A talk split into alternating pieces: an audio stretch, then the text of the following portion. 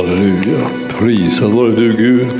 Vi är så tacksamma över att du har väckt en sån tro i våra hjärtan genom din kärleksgärning. Tack för att du har kommit och gett ditt liv. Tack för att du uppstått igen och gett oss det nya livet. Vi har fått det till arvedel. Vi prisar dig Herre för det och vi vill bara upphöja ditt underbara namn Jesus inför hela andevärlden och säga Här är konungen, här är han som har vunnit seger.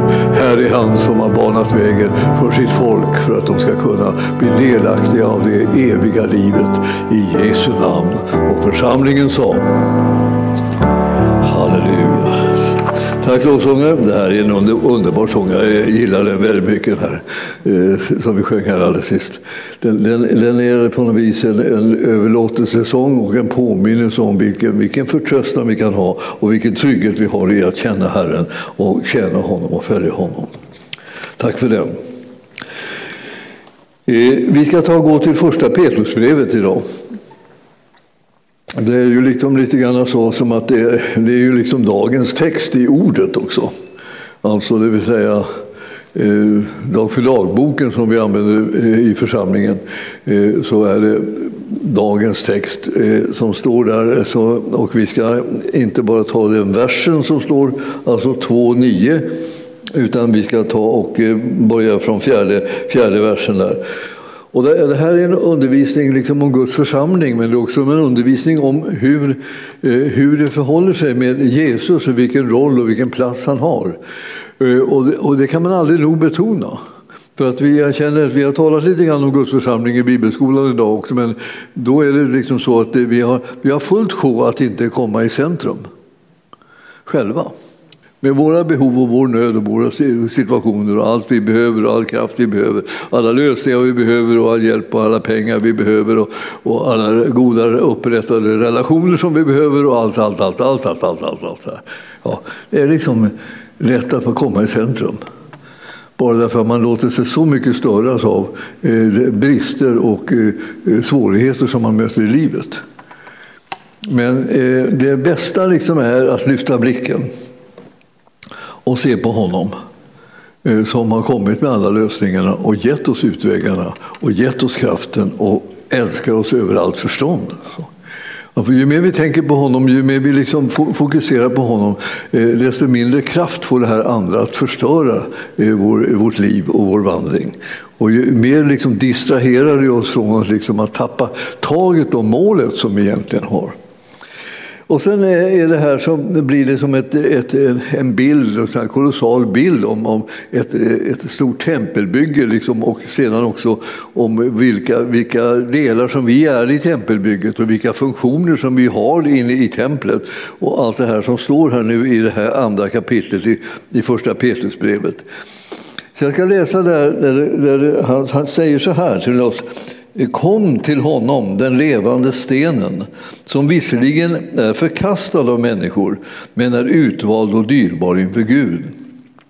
Det var fjärde versen i andra kapitlet i första Petrusbrevet. Och så det i det femte versen. Och låt er själva som levande stenar byggas upp till ett andligt hus, ett, ett heligt prästerskap som ska frambära andliga offer som Gud tack vare Jesus tar emot med glädje.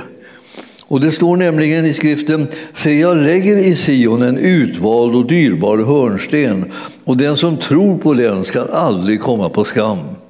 Och för er som tror är den alltså dyrbar, men för de som inte tror är den sten som byggnadsarbetarna kastade bort. Den har blivit en hörnsten, en stötesten och en klippa till fall. Och de stöter sig mot den därför att de inte lyder ordet. Så var det bestämt om dem. Och jag vill säga att det här är ju liksom hela tiden frågan om ett tempelbygge men det är också frågan om de som förrättar själva tempeltjänsten. Och vi, vi är så att säga allt möjligt i, i det här sammanhanget och vi är mycket mer än vad vi liksom riktigt till vardags tänker på. Alltså, vi är de stenar som, som ska bygga upp det här templet. Och samtidigt så vet vi det att Jesus är, för oss som tror på honom, själva hörnstenen. Och hörnstenen var ju den stenen som man riktade hela templet efter. Det vill säga det var en, det var en rät vinkel på den här hörnstenen som gjorde att inte hela huset blev skevt. Och om man rättade sig efter den där hörnstenen och la sin sten som man var i linje med den här vinkeln var man med och byggde upp ett, ett, ett, ett härligt och bestående tempel som inte rasade samman. Men, men eh, för de som inte trodde på den här hörnstenen, de, de valde att kasta bort den och menade att den här var onödig eller den var felaktig, fast den var den perfekta hörnstenen. De gjorde en felaktig bedömning helt enkelt och deras liv kom att rätta sig efter det som var skevt och vint istället och eh, huset kunde inte bestå. Så därför ska vi, vi ska liksom tänka så här, ja, men, eh, vi som tror, då, ja, för oss så är den här stenen den avgörande stenen som Jesus är. Han är liksom den stenen som byggningsmännen visserligen förkastade, men han har blivit själva hörnstenen till det bygge som Gud genomför. Och i det bygget så är du och jag kallade att komma in och vara stenar som gör att det här bygget tar form. Och sedan är vi kallade att vara prästerskap i det här bygget också, som kommer att utföra det som behövs och frambära eh, igen det här offret så att säga, som en gång för alla har blivit eh, offrat, nämligen Jesus. Och vi lyfter fram honom och vi lyfter upp honom och vi säger att vi, vi litar på det enda offer som behöver frambäras, nämligen hans offer. Och det är nog för att vi ska få syndernas förlåtelse och det här som vi hörde om, evigt liv till arvedel. Alltså vi är de som är försäkrade om det här därför att Jesus har gjort den gärning som han har gjort. Han har valt att bli offerlammet. Och det offerlammet det var utan fläck och skrynka, precis som man gjorde så att säga, med vanligt offerlamm som man hade i templet förr i judendomen. Så var det så att man fick inte bära dit ett, ett litet skabbigt, döende, förstört lamp som man råkat ut för en olycka mer eller mindre, men knappt levde och som man inte hade någon nytta av. Och så kunde man slänga in det som ett offerlamm. Sådana offerlamm tog man inte emot. Man tog bara emot felfria offerlamm. Och Jesus var det felfria offerlammet. Inte så att han var av en annan sort än vi, utan han var av samma sort. Han var en människa som vi, dock utan synd. Därför kunde han ta vår synd på sig och dö för den. För utan synd kan man ju inte dö. Och att Jesus dog är det stora undret och påminnelsen om han tog din synd och dog därför för den. Om man, inte, om man inte hade tagit någon annan synd så hade han inte kunnat dö. Då hade han fortfarande kunnat man ha såna charterresor till, till Israel för att hälsa på Jesus, för han har stått där än. Liksom, alltså, jag menar, det här med att dö var för en, en person som var utan synd omöjligt. Men den som var full med synd kunde dö för liksom alla dessa synder som den hade begått. Och han tog hela världens synd för att vi skulle kunna gå fria. Därför fick han döden och vi fick livet. Så när han uppstod igen och hade betalat priset för, för den här synden som vi hade begått så uppstod han för att, så att han kunde ge oss e- evigt liv. Allt var försonat, allt var klart och det för var och en som tror blir delaktig av det eviga livet. Vi är ett folk som har fått evigt liv. Vi behöver inte gå liksom ängsliga genom den här världen. Vi ska aldrig dö. Ja, vi ska lämna den här världen, men vi ska aldrig dö. För död är inte vår arvedel. Liv är vår arvedel. Så man kan vara ganska frimodig i den här världen. Mycket mer frimodig än vad vi hittills har varit, kan man säga kort och gott. Man skulle kunna liksom, liksom göra precis det som Herren bara säger åt en att göra utan att liksom snegla åt olika håll. Kommer de att tycka om det? Kommer de att acceptera det här? Kommer de andra, andra Man är rädd för vad människor har för åsikter. Alltså, glöm dem. Det enda du ska ha, ärende som du ska ha till dem är frälsningserbjudandet evangelium genom Jesus Kristus. Det är det som du ska ge till dem. Att, att, att gå omkring och vara rädd för dem, det är, det är fullständigt bortkastat. Han har vunnit segern och han är vår Herre. Och, och, han beskrivs som hörnstenen i det här bygget. Allting liksom är riktat efter honom. Det, det är honom vi rättar oss efter. Och så står det att han har lagt i Sion en utvald, dyrbar hörnsten och den som tror på den ska aldrig komma på skam. Förstår du att det handlar om dig? Du ska aldrig komma på skam, du som tror på Jesus. Så, gå inte omkring och ducka. Utan var frimodig. Alltså vi, är, vi är Herren Jesu tjänare i den här världen. Vi är de som kommer bärande med liv och seger till var och en som vill ha det. Vi erbjuder det här alldeles gratis. Det är ren nåd till människor. Till oss och till dem som vi möter. Och man, man får ta ställning. Man får välja om man vill ha liv eller död. Det är, det är konstigt. I Gamla testamentet stod, så, så stod det liksom att man sa till folket så här. Ja, ni får välja. Ni ställer på den sidan vid det där berget så väljer ni död och ställer ni på den här sidan så väljer ni liv. Vad väljer ni? Jag skulle vilja rekommendera att ni väljer liv. Så det. Ja. ja, det skulle man tycka. Det kan de räkna ut själv utan någon rekommendation. Men, men en del väljer död. Som obegripligt. Det måste ha varit något dunkelt med det hela. Någonting som gjorde att de var, såg inte vad evangelium var. Eller de såg inte vad erbjudandet gällde. Vem vill ha död när man kan välja liv? Ja, det verkar den som, har liksom, som, har förblindad, som är förblindad. Och förblindad kan bara handla om att man har förhärdat sig mot Herren så man inte ser längre erbjudandets innehåll. Men vi har sett det. Och vi kan vittna om det och vi kan påminna människor. Det finns förlåtelse, det finns försoning, det finns nåd. Så ta emot det som Herren Jesus ger istället för att eh, liksom bara mm, spänna dig liksom och, och låsa dig mot det som han erbjuder. Så, sjunde versen nu då. Är ni där nu då? Eh, har ni biblar så är ni eh, bara, kan ni vara glada och tacksamma. Eh, sjunde versen i andra kapitlet i första Petrus står det För er som tror är, alltså, är den alltså dyrbar, alltså den här hörnstenen. Men för de som inte tror har den sten som byggningsarbetarna kastade bort blivit en hörnsten, en stötesten och en klippa till fall. Den här stenen, om man kastar bort den, blir det någonting som man snubblar och faller på. Den kommer att ligga någonstans där den inte ska ligga. Och jag brukar berätta ofta så här, när jag, för att jag hade en sån här upplevelse som ung, att en tegelsten låg någonstans där den inte ska ligga.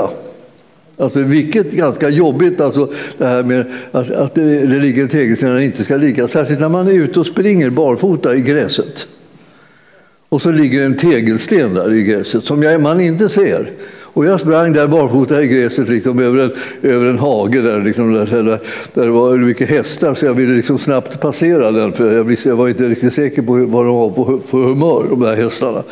Jag sprang över hagen och så låg den där stenen där och jag smällde i lilltån. Och det var en, en, en, en bit av mig som jag inte liksom kände så bra förrän just då. Då plötsligt fanns bara lilltån. Om ni har varit med och slagit er någonstans så, så plötsligt bara, så åker hela ens medvetande och alltihopa rakt ner i det ställe som har slagit sig. Och jag, jag plötsligt befann jag mig i lilltån. Jag har aldrig varit där förut. Jag, jag, och, och det var en enorm smärta som kom också. Och så tickade det så här så att jag kände nästan som hela jag pulserade. Och jag satt där och höll i lilltån. Och, och liksom bara, bara jag tänkte jag, jag dör, liksom, lilltån har blivit skadad. Jag hade aldrig tänkt på att jag skulle på något sätt särskilt skydda lilltån. Jag, jag måste säga, jag kan inte tänka, när jag tänker tillbaka kan jag inte tänka på att jag tänkt på lilltån ens någonsin. Titta där. Eh, eh, alltså, jag hade inte tänkt på Lilton någonsin i, i livet. Eh, alltså, eller liksom suttit och mediterat på den. Kanske hade, man pratade liksom som liten då när man hade såna här sockar som liksom luddade av sig så hittade man ju såna här små svarta samlingar mellan tårna. Alltså, eh, min mamma brukar hon kalla för kaffe mellan tårna. Så vi, det hade jag ju varit med om att pilla bort kaffet mellan tårna. Men det var väl liksom det enda besök jag hade gjort vid Lilltån förr då. Men nu var den extremt viktig. Den var en del av mig visade det sig.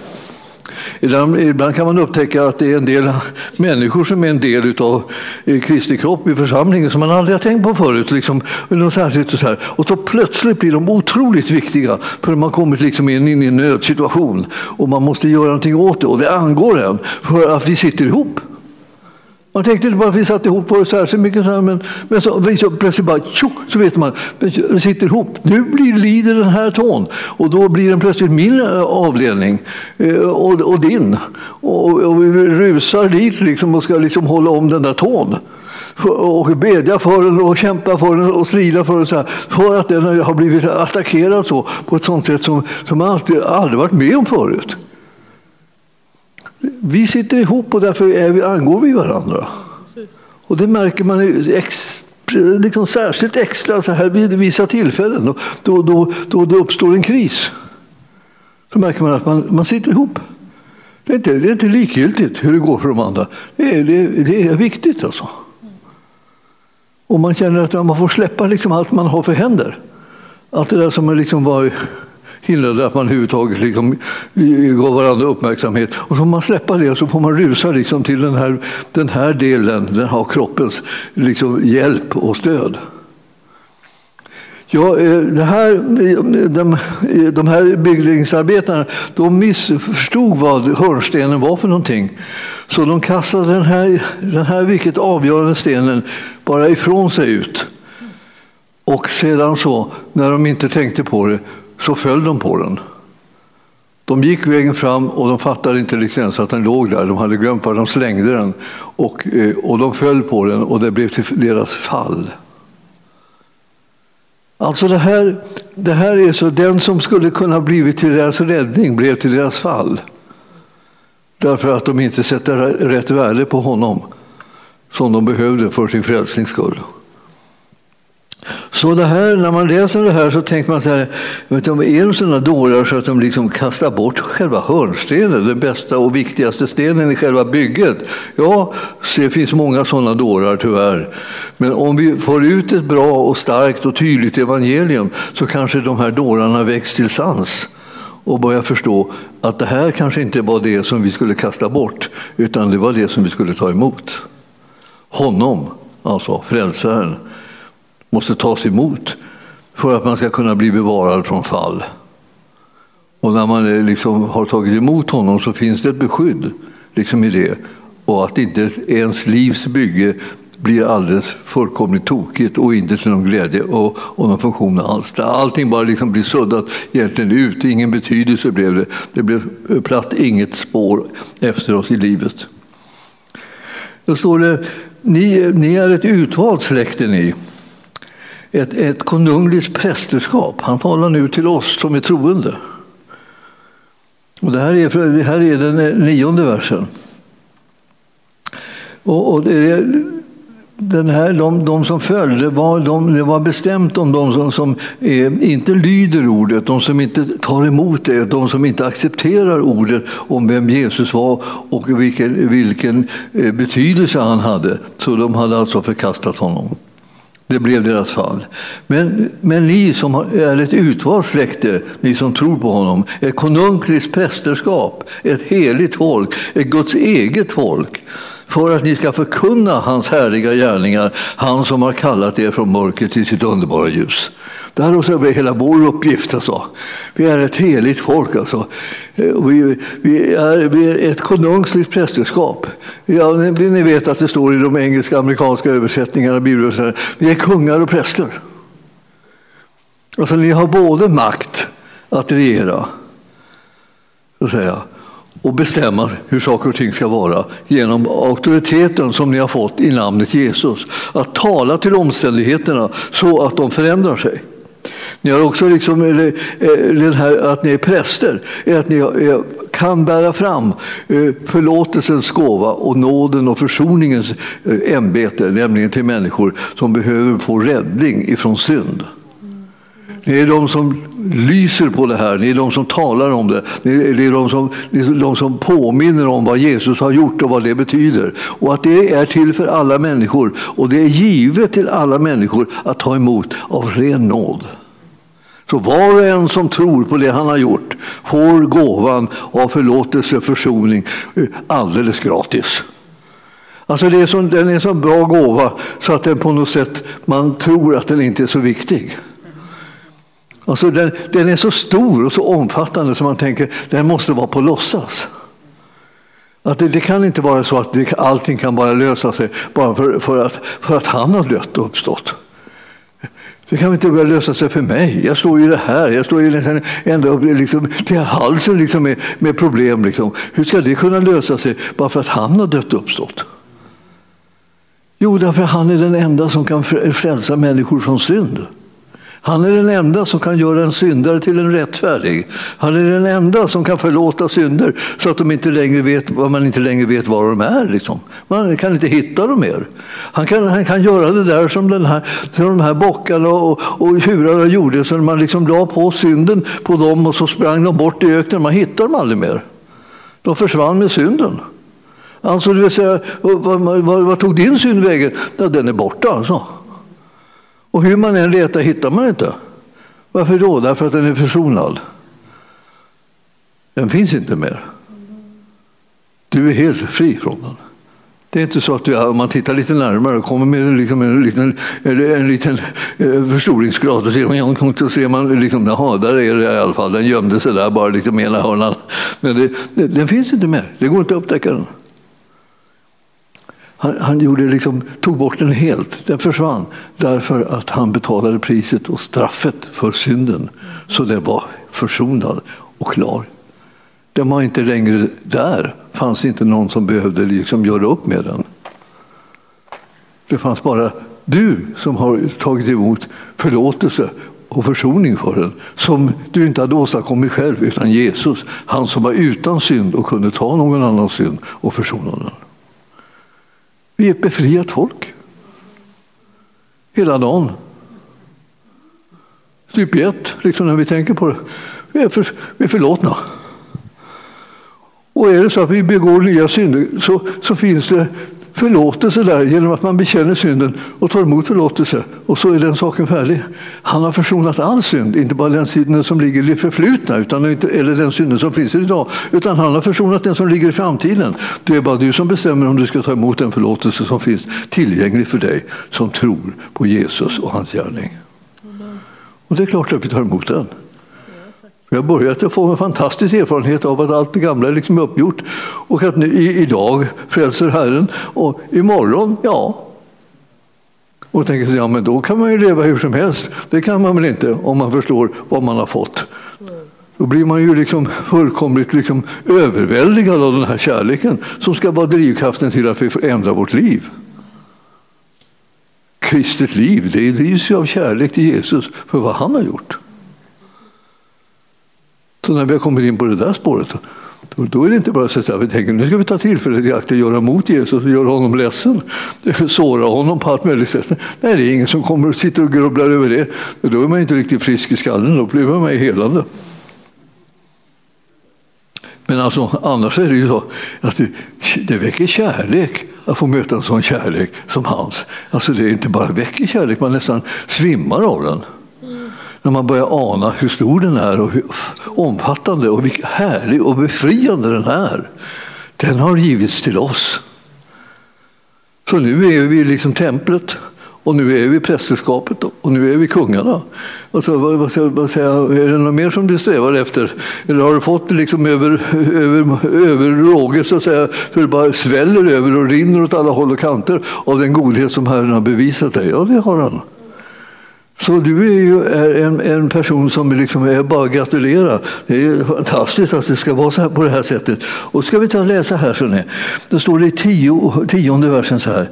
Ni som förut inte var ett folk är nu Guds folk. Alltså, vi, vi var så, liksom, så hedra präglade så att vi räknas inte som ett folk ens. Det var som ett, alldeles bara bara helt vilse på, på alla sätt. Vi, vi har nu blivit ett Guds folk. Och vi som inte hade fått barmhärtighet har nu fått barmhärtighet. Så att om du skulle beskriva dig själv så behöver, behöver du komma, med, komma ihåg det här. Alltså att du tillhör det som är så kallade gudsfolket. Och du tillhör det folk som har fått möta barmhärtighet. Så fastän du var som du var och fastän du gjorde det du gjorde och fastän du misslyckades med det ena och det andra och alla möjliga saker. Fastän det inte blev som du hade tänkt och allt det här. Fastän du var lömsk och liksom opolitlig och, och, och, och tjuvaktig och vad du, vad du vill. Så, så, så har du mött barmhärtighet på grund av Jesus. Han har förlåtit dig utan att du har förtjänat det. Du vände dig till honom och du tänkte kanske han ändå kan hjälpa mig. Och han kunde det. Och han gjorde det och han ville det och det var alldeles gratis. Du förstår alltså vilket, vilka, vilka lyckliga typer vi är. Va?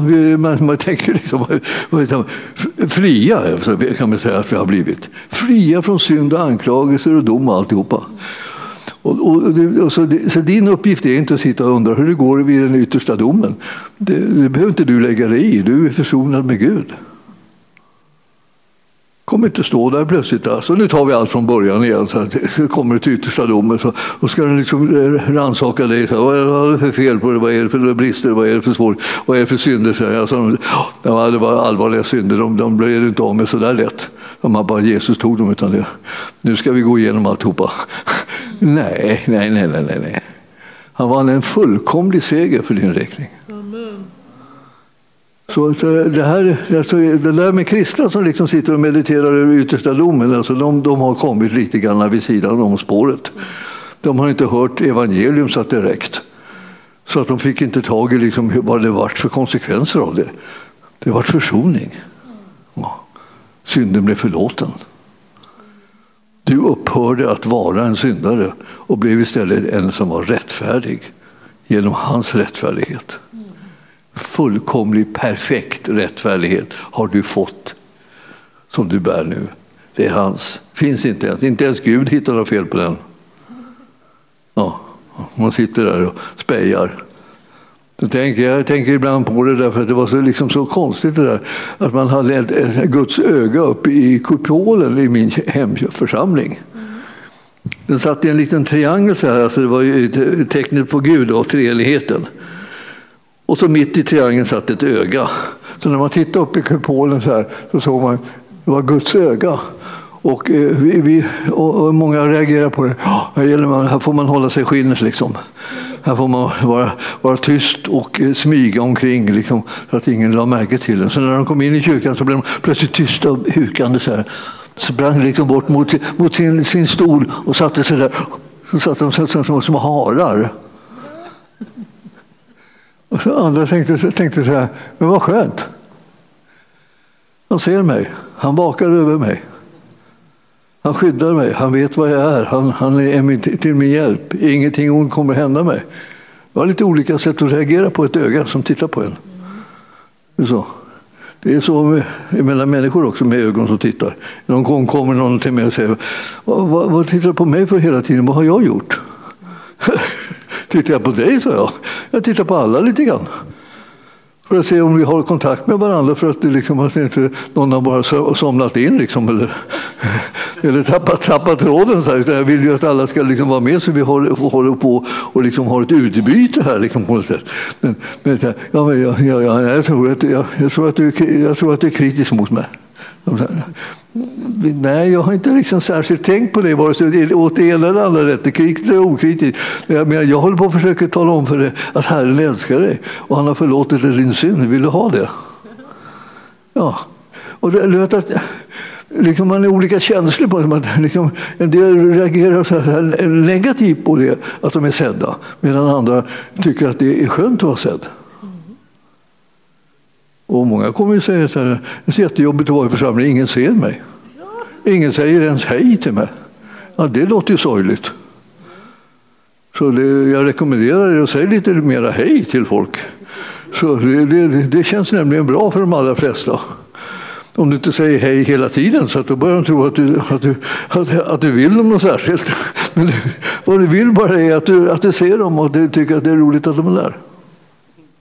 Ja. Hej allihopa! Hej!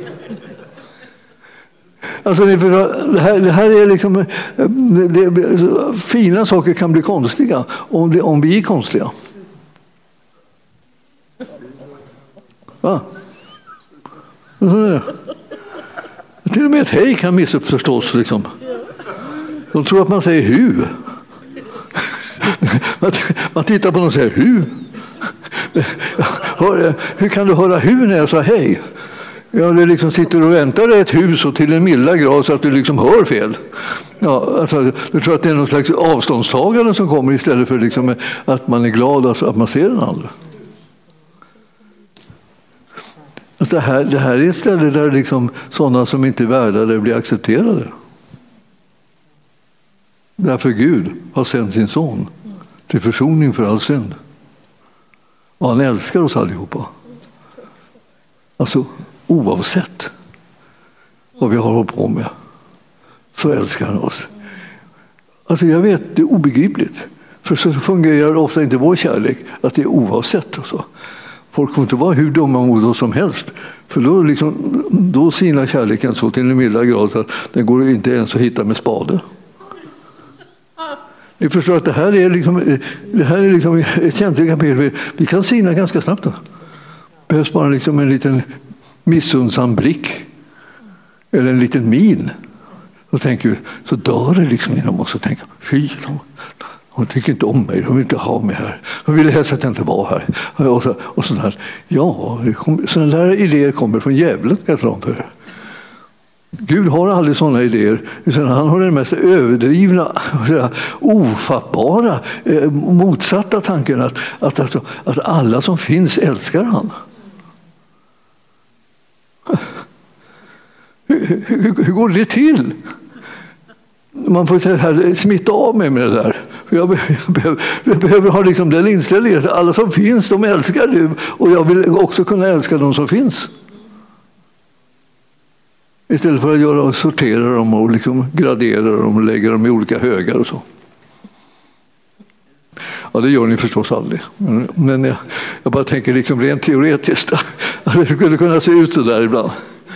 Ja. Men jag, jag, jag, vill säga, det här med att vi har fått en sån ofantligt underbar och fantastisk ställning genom honom. Han vann segern och du och jag, vi fick den här ställningen att vi var kungar och präster. Vi skulle kunna vara de som förmedlade. Och vi ska förmedla genom förkunnelse också om vem han är. Ni är ett utvalt släkte, ett konungligt prästerskapets gärningar, han som har kallat er från mörkret till sitt underbara ljus. Så ni ska tala om honom som har gjort det här. Ni ska förkunna om hans härliga gärningar. Vad är det? Hans död och uppståndelse. Hans nåd och barmhärtighet. Hans hjälp i alla lägen i livet. Och han är den som aldrig sviker. Han är den som aldrig överger er. Han är den som alltid bevarar er och förvandlar liksom era livssituationer till utvägar och lösningar när de såg ut som stora hinder och låsningar istället. Det är han. Det är honom som vi tjänar. Det är honom som vi följer. Det är honom som vi har förtroende för. Och det är honom som vi ber innerligt att vi ska få likna. Vi vill vara som han. Alltså. Och därför är det här med hans vilja, det är, liksom, det är, det är vår längtan. Det är inte liksom någonting, åh nu ska han komma och kräva saker av oss. Vi står där på kö och väntar att han ska äntligen ta oss in i sin vilja. Äntligen dra oss in i det som han har på sitt hjärta. Så att vi får vara med och göra de saker som är välbehagliga för honom. Han har älskat oss ofantligt så att det inte finns någon gräns. Visst är det fantastiskt att lära känna Jesus? Fantastiskt att tillhöra honom, fantastiskt att följa honom. Alltså, eh, vi, är de, vi är de lyckligaste som finns på jorden. Alltså, det, det får, ni får gärna tänka på det ibland. Och inte bara tänka att det är vi som har de stora problemen. Vi söker oss till kyrkorna för vi är så nedtyngda av alla problem och så sitter vi där och liksom känner hur problemen bara hopar sig. Man, man kan ju det, det är som att bedja sådana här konstiga aftonböner. Va? Då man, då man, aftonbönen består i att du aktualiserar alla dagens problem så att du har dem för, för det framför dig. Liksom. Och sen säger du hjälp mig, hjälp mig och, och allt det här. Och det är problem här och det är problem där och till slut har du jagat upp det så till en milda grad så du kan inte sova. Och vad ska det vara bra för? Liksom bara jaga upp sig kring dagens problem. Du ska tacka för lösningarna som Herren erbjuder dig och ger dig. Och du tar emot dem med glädje och räknar med att han har alltihopa i sin hand. Han kommer att lösa det. det han, han har den makten att lösa det. Och du har det uppdraget att tro honom om det. Ja. Och när du gör det ska du sova sött. Ja. När du har lagt huvudet på kudden, står det, så ska du sova sött. Ja. En del behöver inte ens lägga huvudet på kudden ibland, de somnar var som helst. Man, det, finns olika, det finns olika gåvor. men, ja, det hör ju inte hit egentligen, men, men, men, men jag bara kom att tänka på det. Jag hade, jag hade en bibelskoleelev som liksom, jag tror, att han, jag tror faktiskt att han jobbade natt om jag ska säga det till hans eh, alltså till förståelse för hans liksom, situation. Han satt alltså alltid längst bak och själva längst bak eh, raden satt vi var inkörd till väggen. Så han bara, när han satte sig ner där så åkte munnen på vid gavel och huvudet in i väggen och så sov han genom hela lektionerna. Alltså, jag tänkte ett tag så här, det här är höjden, han sitter bara och sover hela tiden på mina lektioner. Det gäller ju för mig att, liksom, att liksom ha någon slags stark eh, här, uppfattning om att, att det jag undervisar är viktigt och bra. Fastän han snarkar av och till då, så här, som en liksom bakgrundsljud till själva förkunnelsen och undervisningen. Jag tänkte ja, det här är bra i alla fall. Alltså, han har naturligtvis jobbat natt, det är därför han, han, han ligger där och snarkar. Och det här höll han på med som genom hela, hela skolåret. Då. Jag vet inte hur han fick till det med skrivningarna och sånt där, men, men han, han, tog sig väl samman någon gång när, någon natt och, och studerade när han ändå liksom satt och, och vakade. Eh, men ni förstår att, att eh, det här är en sån här yttre sak som ibland bara tar över och, och får konsekvenser därför att man har kanske en dålig disciplin i livet på något vis. Men Herren vill ju alltså att vi ska veta att vare sig vi, vi sover eller är vakna så älskar han oss. Och det är liksom, jag, för, jag förstod, tog tag i den här sanningen att det är lite svårt. Och så jag, jag måste försöka ta reda på det. Alltså, och det var då så småningom jag fick reda på att han jobbar, han jobbar natt. Så han hade varianten så här, han jobbar natt och sen gick han på bibelskolan och sen gick han hem och sov. Så, eh, eh, och jag tror inte han riktigt märkte att han, han faktiskt sov under hela bibelskolan. också, också. Men han, han liksom hade räknat ut att han skulle inte sova förrän på eftermiddagen. Då. Och sen skulle han liksom gå på, och, eh, på natt igen och, och jobba. Då. Jag vet inte om han sov där också. Han hade, han hade en speciell gåva för att kunna sova. Så. Men det här, att det, ibland så beskriver Bibeln det här med att om man är sovande så är man liksom i riskzonen. Det vill säga man är, man är omedveten om vad som händer och man är, vad som händer och vart livet glider någonstans. Därför att man inte är vaken och medveten om det. Men vi har hört evangelium och vi är medvetna om att vi är älskade av Gud. Och vi, vi, har, vi har en sån fantastiskt liv så att säga, som han vill att vi ska leva, där vi ska verka som kungar och präster. Och vi ska vara med bland dem som är inbyggda så att säga, i det tempel där Herren är hörnstenen och där han riktar oss vad vi ska göra. Så att hans vilja så att säga, är hans, hans herravälde i våra liv. Och så, vad, hur, hur, uttrycker Herren liksom sin vilja? Hur, hur vet du vad som är hans vilja? Det, det är det att han är Herre för dig. Hans herravälde är uttryckt genom att du får känna till hans vilja. Och när du hör hans vilja, då älskar du honom så mycket så att du gör den. Så därför, det, här, det, är som, det är frukten som kommer av den kärlek som Herren har visat oss. Han är nådig och barmhärtig, han är god och kärleksfull. Han är vår frälsare och Herre. Ingen är som han. Och vi har blivit räddade genom hans gärning. Så himmelske Fader, vi ber att du låter det här vara liksom levande för oss i vårt inre. Att vi kan tacka och prisa dig och lyfta vår blick och påminna oss om vad du har gjort för oss och hur den seger som du har vunnit har blivit vår arvedel. Vi tackar dig Herre för att ingenting ska fattas och ingenting ska vara omöjligt för oss som följer dig och som tjänar dig. Och den kärlek som vi har mött hos dig, den ska vara livsförvandlande. Vi bara bejakar den, vi välkomnar den och vi ber att den ska ändra våra våra liv så att vårt intresse blir att tjäna dig och tillhöra dig och följa dig. Vi vill vara dina lärjungar i den här världen. Vi vill vara de som är stolta och, och frimodiga att bekänna oss till dig som världens frälsare Jesus. Det är du som har all makten. Det är du som har all makt, inte bara på jorden utan också i himlen. Och vi prisar dig för att vi när vi vandrar med ditt namn eh, får också förvandla den här världen som vi lever i så att din vilja bryter fram på område efter område. Vi bara upphöjer dig Jesus. Du är konungars konung och herrars herre. I Jesu namn. Och församlingen sa Halleluja. Tack Jesus.